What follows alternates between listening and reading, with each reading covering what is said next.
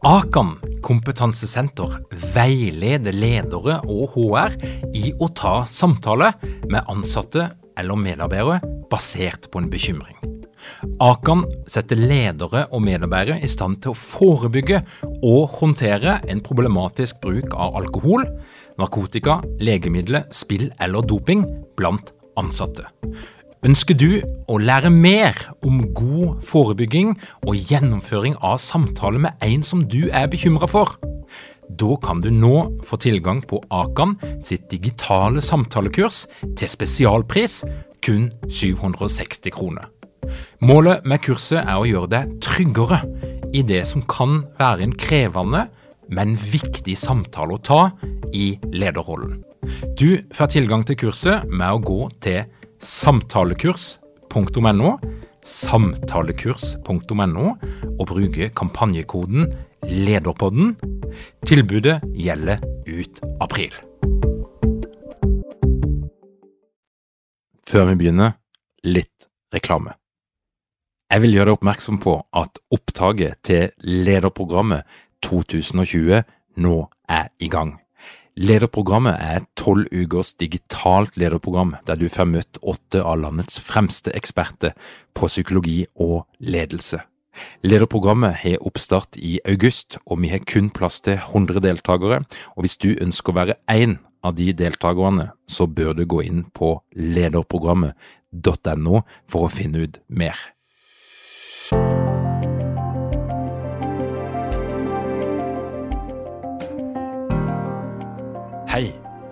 Hva tenker du på når du hører ordet coach eller coaching? Velkommen til Lederpodden. Mitt navn er Tor Åge Eikrapen. Jeg jobber som organisasjonspsykolog, og i denne podkasten så inviterer jeg vanligvis en eller annen leder eller fagperson som har noe viktig å komme med som jeg tenker at det er interessant for flere enn meg.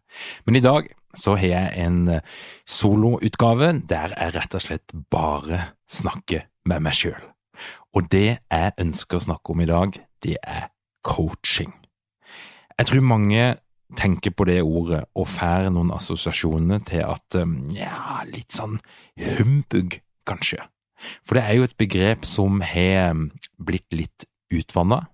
Det er mange gode grunner til det, og det er nok òg et begrep som en del har litt negative assosiasjoner til. Og i 2014 så skrev psykologen Sven Brinkmann ei bok som heter Stå ved på dansk, der han lista opp syv eh, læresetninger for det å få et bedre liv og kvitte seg med all den her selvutviklingsindustrien. Og et av de syv punktene, det var fyr din coach. Altså, si opp coachen din. Da vil du få et bedre liv. Og det er vel sånn at coaching, det kommer i mange utgaver. Det er mange ulike typer mennesker som kaller seg for coach, med et eller annet navn foran eller bak, og årsaken til dette her, det er jo selvfølgelig at coaching er ikke beskyttet, eh, en beskytta tittel. Hvem som helst kan kalle seg for coach. Hvem som helst kan klistre et skilt opp på døra si og si velkommen, jeg tilbyr coaching, mot betaling. Og dette her gjør jo at du vil få et stort mangfold av aktører, der noen er egnet, andre er ikke egnet, Noen er seriøse, noen er totalt useriøse. Og det er jo ganske vanskelig å skille da hva er det som er bra, og hva er det som ikke er bra. Og hvis jeg skal gå litt inn i den mørke sida av coaching, for jeg tror nok at det er ei mørk side der, og jeg er litt opptatt av at eh, en skal være kritisk, ikke bare til coacher, men til psykologer, til lege og til hvem som helst som presenterer seg selv som en person som kan hjelpe deg hvis du er i en vanskelig situasjon. Kritisk tenkning, det er noe som bør være påslått idet du setter deg inn i en relasjon der eh, du skal få tillit til noen andre og åpne deg opp og, og gjøre deg sårbar. Og det finnes eh, På nettet så er det, det er mange eh, spennende aktører som er, er der ute, både eh, som presenterer seg som coacher, og òg som tilbyr ulike former for coaching-utdannelse, som oftest nettbasert, eh, videobasert. Og Jeg har vært inne og kikka litt, og jeg har en eh, liten sånn favoritt, som bare, bare, for å gi et lite bilde av, av noe, noen fenomener der ute. Og Der er det sånn at du um, går inn på ei webside, du ser en annonse på Facebook, og så laster du ned ei gratis uh, bok, som er altså en bestselgende bok, men den er gratis, og den er nok ikke gitt ut på noe forlag, men og det er en PDF. Og det er en, en lærebok i, i, coaching, og når du har gjort det, da, så kommer du på ei e-postliste, og jeg tror det siste året så har jeg fått 160 e-poster fra denne eh, coachen, som, som, virker som en veldig sympatisk eh, kar. Og han, eh, alle de her e-postene er formulert litt sånn at det appellerer litt til følelsene mine. Det kan for eksempel stå at Tog, har ikke du kjent at du har lyst til å gjøre noe mer? At du har lyst til å bidra til at folk får det bedre, og at du kan bruke din historie og dine opplevelser og hjelpe andre å tjene penger på det. Litt morsomt med, med tanke på at eh, jeg jobber med, med de, de, tingene som jeg gjør, men eh, jeg tror alle altså får den samme e-posten. Men det er, det er, stadig mer fantasifulle måter de her er formulert på. Men det, men det er, sånn, det er sånn, litt sånn på grensa mellom å være noe eh, viktig og substansielt, og å være det jeg vil kalle for litt vulgært, altså at det gjenger litt for langt. Altså det, at det er litt for overtydelig at her prøver du å selge et eller annet gjennom å appellere til mine følelser og, og mine behov og drømmen om å tjene penger og jobbe for seg sjøl og ja, de tingene som er helt legitime ønsker, men allikevel en litt eh, bismak i munnen. Men det fungerer, for jeg har vært inne og kikka på regnskapene til denne aktøren, og de, eh, eller han, omsatte for nesten syv millioner kroner i fjor. Aner ikke helt hvor det kom ifra, men det kommer altså ifra en videobasert coachingutdannelse på nett. Det er sikkert noe mer enn det eh, i, i, tillegg, men det forteller bare noe om appellen som eh, dette her begrepet, denne metodikken, har der ute. Og den er altså ganske stor. Og for, det er veldig typisk psykologisk alltid problematisere ting, alltid være litt kritisk til andre yrkesgrupper, sette seg sjøl litt høyere og Psykologer har jo selv kjempa en kamp for å legitimere det vi holder på med. altså Det å drive og snakke med folk, det er jo ganske alternativt. Å tenke at folk skal bli friske, at du snakker med dem, det er jo ganske langt ute, det òg. Eh, men derfor så har det jo da blitt gjort eh, mye forskning, og, og en har gjort det til en, en, vitenskap.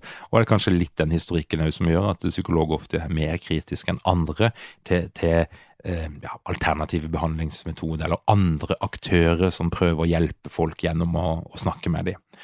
Men grunnen til at jeg da mener at eh, du alltid skal være skeptisk til aktører som eh, annonserer at de kan hjelpe deg, det er jo at uansett om du kaller det for coach, lege, psykolog, terapeut av et eller annet slag, så er det sånn at når du kaller deg for det, og gjenge inn i en hjelperelasjon, så får du makt.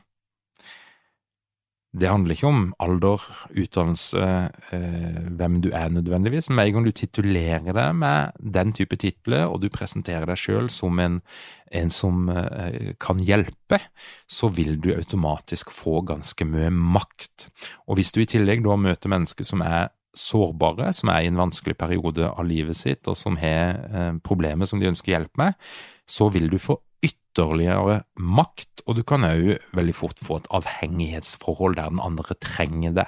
Uansett om det du egentlig gjør ikke er bra for vedkommende, så er det noe av dynamikken i en, en eh, hjelpers- og klientrelasjon, at, at det er eh, En er ikke likeverdige, og det gir noen muligheter til å påvirke, i beste fall, og i verste fall manipulere, og i aller verste fall eh, rett ut misbruke den makta.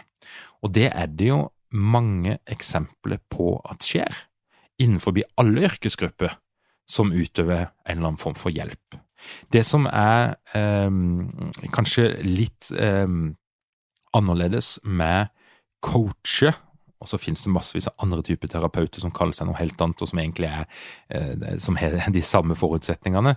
Men, men, det som er forskjellen da, på en lege eller en psykolog eller andre som er sertifisert, autorisert, der det er en utdannelse, en, en en, en eh, lisens, det er jo at hvis du opplever at din psykolog gjør en dårlig jobb, eller gjør noe som er etisk betenkelig, så kan du klage vedkommende inn og få det vurdert. Du kan klage det inn til Fylkesmannen, du kan klage det inn for Psykologforeninga, og du vil få en vurdering, og det kan, det skal ganske mye til, men det kan komme en konsekvens. Når det gjelder coachingmarkedet, så er det ingen sånne type apparater. Eh, det skal ekstremt mye til for, for å få klaga inn en coach, og du er veldig i stor grad overlatt til deg sjøl. Så finnes det noen ekstreme eksempler. Eh, det siste var i, ja, Den siste artikkelen ble skrevet på nyåret. Det var en gestaltterapeut som satt i styret i en eller annen gestaltorganisasjon, og som hadde det kulminerte med at vedkommende hadde sendt en faktura på 750 000 til en, en såkalt uh, pasient som var psykisk syk, som var sårbar, og som hadde egentlig lagt hele livet sitt i hendene på denne terapeuten. Det er ett av mange eksempler på hvor galt det kan gå når makt blir misbrukt, og derfor så skal en alltid være skeptisk til en hvilken som helst hjelper, men kanskje spesielt de som da ikke har en en, en, autorisasjon eller en lisens eller et system rundt seg som gjør at feil og uetisk atferd blir, blir fanga opp. Nå har jeg sagt mange ting som kan, som kan virke kanskje fordømmende og, og, eh, litt fordomsfullt, men eh, jeg mener det at en, en, skal ha på det kritiske blikket, og jeg tror det er viktig, og jeg tror at skadene med å ikke ha det kan i verste fall være ganske store. Og så er det viktig å si da at uansett hva slags yrkesgruppe du er inne i, så finnes det gode og dårligere utøvere av det. Og, og, og, og sånn er det bare. Og så finnes det noen røde flagg som du kan uh, se etter, og det skal jeg komme litt tilbake til. Men coaching, det er en historie der.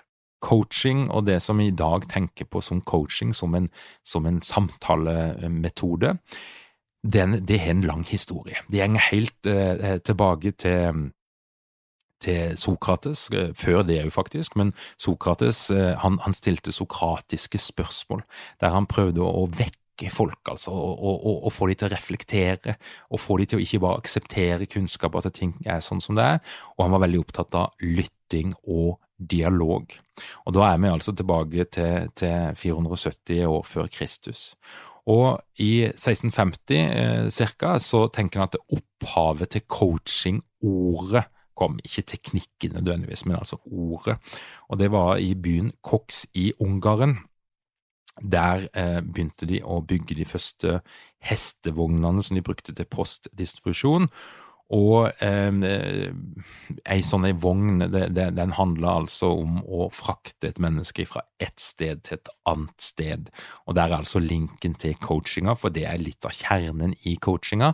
At du som coach skal bidra til å få et menneske fra ett sted til et ønska mål et annet sted.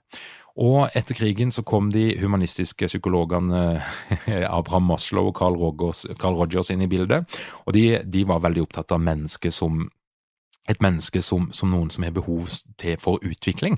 Vi ønsker utvikling, og vi har et potensial som vi kan utnytte, eller vi kan la være å utnytte det.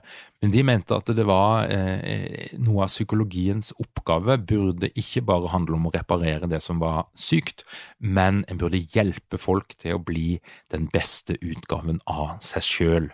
Og, og, de mente jo da at kommunikasjon det var en, eh, et viktig verktøy for å få det til. På 70-tallet så kom det en kar som, som tok dette her ett skritt videre. Han het uh, Timothy Galway. I 1974 så eh, begynte han å snakke og skrive om mental trening. Altså teknikker, mentale teknikker for å fremme prestasjoner. Han var opptatt av hvordan tanke, følelse og psykologiske mønstre påvirka ytre prestasjoner. Han skrev ei bok som heter The Inner Game of Tennis som er en, eh, en viktig bok hvis du skal forstå coachinga og coachingens historie. Og den handler da altså om tennis. Er du ikke mange ledere uten trening eller utdannelse innen ledelse? Mangler du ikke en felles kultur og praksis for ledelse? Ønsker du ikke å være bedre rustet for fremtidig vekst og endring? Da kan et internt lederutviklingsprogram være en god investering. I Execu så er vi eksperter på å designe og gjennomføre bedriftsinterne lederutviklingsprogram. Hvis du ønsker å lære mer om hvordan vi kan hjelpe dykken til å få enda bedre ledere, ta og klikk deg inn på execu.no.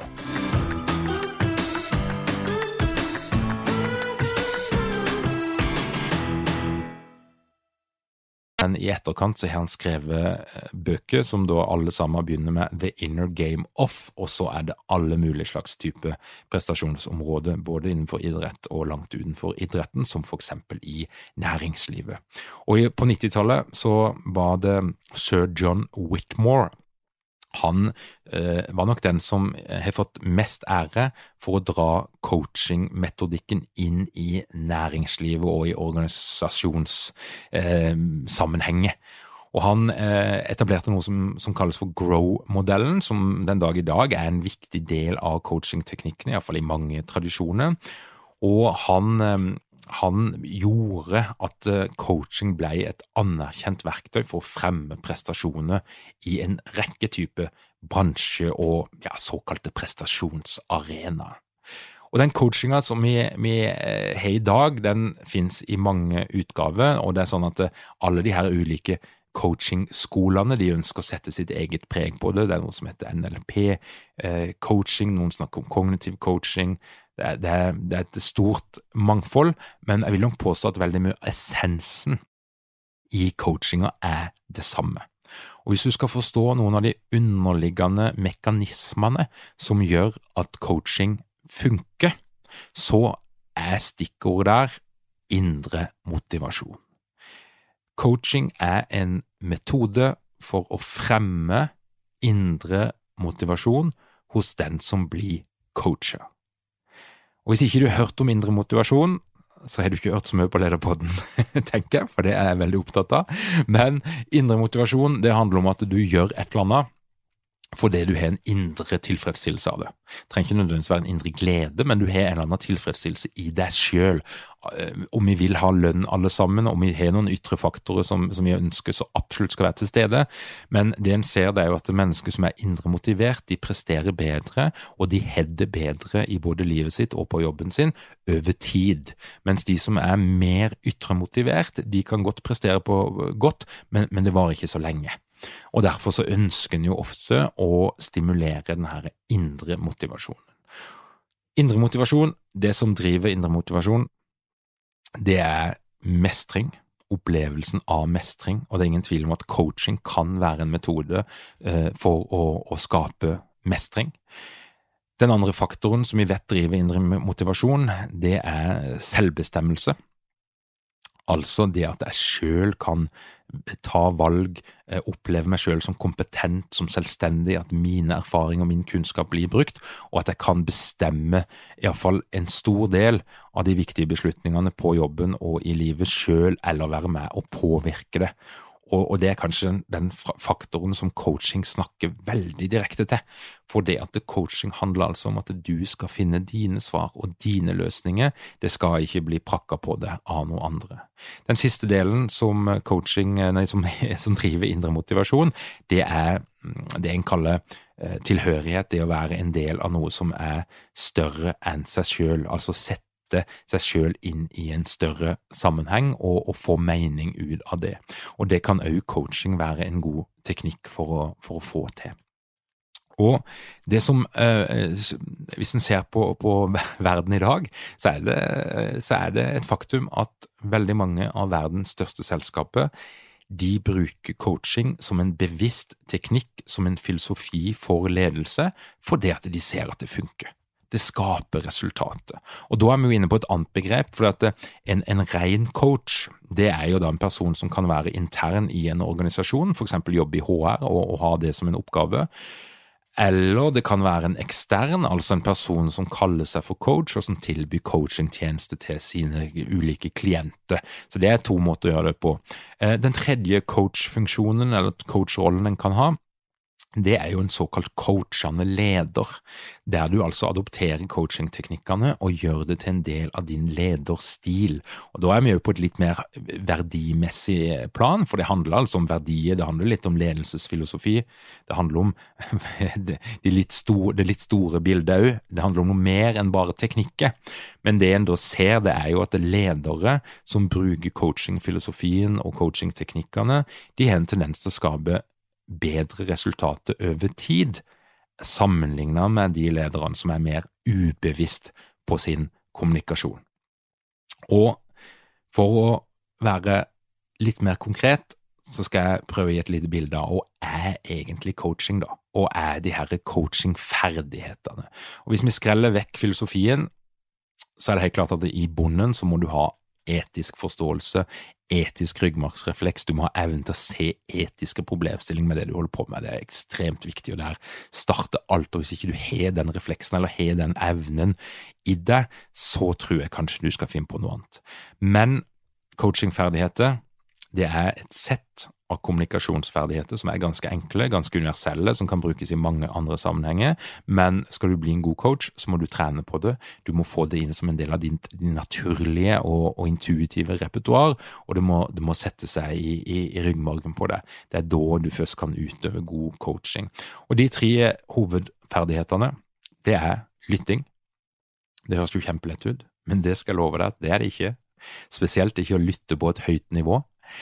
Det er spørsmålsteknikker, åpne spørsmål, ulike former for åpne spørsmål som du bruker for å skape refleksjon, bevissthet eh, og framdrift i en coachingsamtale. Og den tredje ferdigheten er en struktur, en samtalestruktur. Den mest kjente samtalestrukturen er grow, som handler om at du begynner med et mål, og så utforsker du realitetene, så ser du på mulighetene, og så oppsummerer du eller wrapper up, eller du tester ut motivasjonen og viljen til å få til det som en skal. Så en coachingsamtale den skal alltid føre til et resultat. Det skal alltid være noe som kommer ut av den. Derfor er det viktig å ramme en sånn samtale inn, og det første en ofte snakker om, det er hva er målet med denne samtalen. Og coaching, eh, et coachingforløp kan gå over lang tid, sånn at det er flere samtaler som på en måte følger hverandre opp, eller det kan være enkeltstående samtaler der du løser ett problem per samtale.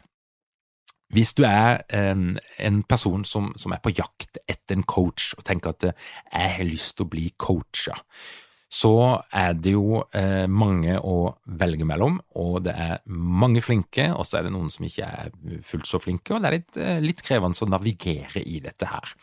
Og jeg skal ikke gi deg full oppskrift eller navneliste på hvem som er gode og hvem som ikke er gode, men det er noen røde flagg som du godt kan se etter. Og hvis du møter en coach som eh, bruker mye tid på å snakke om seg sjøl og sine egne opplevelser, og kanskje legitimere egentlig hele rollen sin litt i en egen opplevelse, et traume, noe vanskelig som er skjedd, og at det er ramma for det hele, så vil jeg nok si at du sannsynligvis vil få bedre utbytte av å finne noen andre. For interessen for coachen sin del skal være hos deg og ditt behov, og, og, og, coachen skal møte deg der du er. Ikke bruke anledninger til å presentere sin egen historie og få fokus på seg sjøl. Det er lov å snakke sammen og bli kjent, det er noe helt annet, men en coachingsamtale skal handle om den som blir coacha, først og fremst. Det å gi veldig konkrete råd, det er en farlig ting, for det ligger det mye makt i, for folk har en tendens til å følge de her rådene, og som en coach så er det sjelden du har nok oversikt på den andres liv til at du egentlig vet sjøl hvilket råd som er det riktige. Er det en rådgivningssamtale, er det en mentorsamtale, er det en veiledningssamtale, så er det helt i orden, men en coachingsamtale, der gir en i utgangspunktet ikke noe særlig råd. Og det å møte en coach som gir veldig mye råd, det kan òg være et lite signal om at kanskje du skal vurdere å finne noen andre, eller ta en prat om at det det er kanskje noe som kan eh, justeres ned litt. Det å grave i fortida, det kan jo være spennende, og det kan være mye interessant å hente der. Men hvis det er coaching du bedriver, så skal det i utgangspunktet handle om her og nå, og framtida. Coaching er en teknikk for å skape bevegelse inn i framtida. Og av og til så må du forstå litt av fortida for å forstå framtida, men hvis en gjenger for langt inn i fortida, så nærmer du deg terapi. Og coaching skal ikke være terapi, og en coach har veldig sjeldent utdannelse, forutsetninger, kvalifiseringer for å ta en terapeutisk rolle. Og da er vi jo inne på det at hvis du er Hvis egentlig så er det psykisk uhelse, altså det, det, du har psykiske plager, og det er det du ønsker hjelp med, så er ikke coachen det rette stedet å gå. Da bør du heller gå til noen som er autorisert helsepersonell i en eller annen kategori. Det å invitere til private relasjoner eller å blande sammen privat informasjon og den informasjonen som du får i coachingrommet, er jo et rødt flagg og tegn på at vedkommende kanskje ikke helt er på, på rett side av hva som er god coaching. Og det å invitere inn i private relasjoner, altså ta initiativ til skal vi møtes eh, som venner neste dag, og så har vi da en coachingsamtale neste dagen. Altså det, det, er helt klart at det å coache eh, bekjente, det er fullt mulig, og kollegaer og den slags, men, men hvis, hvis, relasjonen etableres innenfor en, en coach coachee-kontekst, og coachen bruker den relasjonen til å skaffe seg en privat relasjon eller private fordeler, så vil jeg si at de røde flaggene bør eh, komme seg opp ganske så kjapt. Nå håper jeg jo at du har fått et lite innblikk i hva coaching er for noe, og det ikke er for noe. Og hvis du er leder og ønsker å bli bedre på kommunikasjon, ønsker å bli bedre til å, til å kommunisere på en måte som skaper motivasjon, og kanskje ønsker å bli en mer motiverende leder, og, og, du kan ikke prakke motivasjon på folk, men du kan iallfall lede på en måte som legger til rette for motivasjon. Og hvis du ønsker å ta et steg der, så, så kan jeg jo anbefale altså å eksperimentere litt med, med det å lære seg coachingteknikker. For jeg må innrømme at i, eh, i min tid innenfor organisasjon og ledelse, så, så, har jeg vært med på ulike måter for lederutdannelse og lederutvikling. Eh, men jeg må innrømme at den type lederutvikling der jeg har sett størst grad av atferdsendring hos ledere, og der de rapporterer at dette her funka, dette her gjorde en forskjell, eh, der de, der de forteller at medarbeiderne opplever de helt annerledes, og der de klarer å skape en helt annen form for dynamikk i egen organisasjon, det er eh, det som oftest har skjedd når eh, lederutviklinga handla om å lære ledere coachingferdigheter. Så jeg vil si at jeg, jeg blir stadig overraska over hvor potente og stor effekt det kan gi. Altså når en leder da går fra å ha en kanskje mer kontrollerende eller ubevisst lederstil, og begynner å bruke en mer coachende lederstil. Da kan det skje magiske ting, forutsatt at lederen gjør det på en ekte og en autentisk måte som ikke er manipulerende, men som faktisk setter den andres interesse høyest, og der det er den andre eh, medarbeideren som får lov til å blomstre, utvikle seg og, og eh, bruke sitt potensial. Så kjære leder, og kjære deg som hører på Lederbåten, eh, coaching, ja, det kan være tull, men det er òg ganske mye gull der. Men du må gjøre en grundig jobb for å greie å skille mellom det som er gull og det som er tull. Tusen takk for at du hørte på Lederpodden. Vi er snart tilbake med en ny episode, og du finner jo òg en streama utgave av denne episoden på lederpodden.no. Og vi er på YouTube og rundt forbi, og vi streamer på Facebook ja, nesten hver fredag. Og det er bare å gå inn på facebook.com slash lederpodden hvis du ønsker å bli med og se oss live. Takk for at du hørte på Lederpodden.